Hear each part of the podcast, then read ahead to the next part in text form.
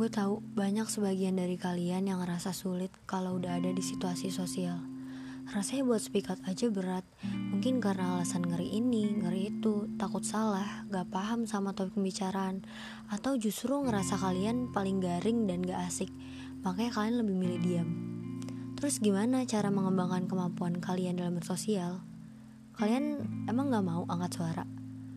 Gak kepengen gitu omongan kalian didengar? Nah, sebenarnya kalian gak perlu mengatakan apa-apa di saat seseorang mengatakan sesuatu sama kalian. Kalian boleh hanya tersenyum simpul, tertawa, bahkan mengangguk. Gak semuanya perlu dijawab dan dikomentari. Respon-respon kayak gitu udah cukup buat orang lain seneng kok. Tandanya kita mendengarkan, mencermati perkataan dia barusan. Lalu, kalau kalian gak tahu, bilang aja gak tahu.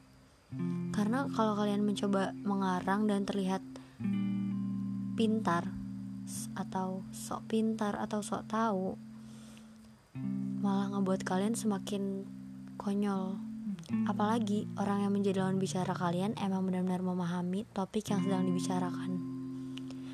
Dan selalu ingat dalam hati bahwa kalian bisa mendapat banyak pelajaran dari orang-orang yang kalian temui setiap harinya.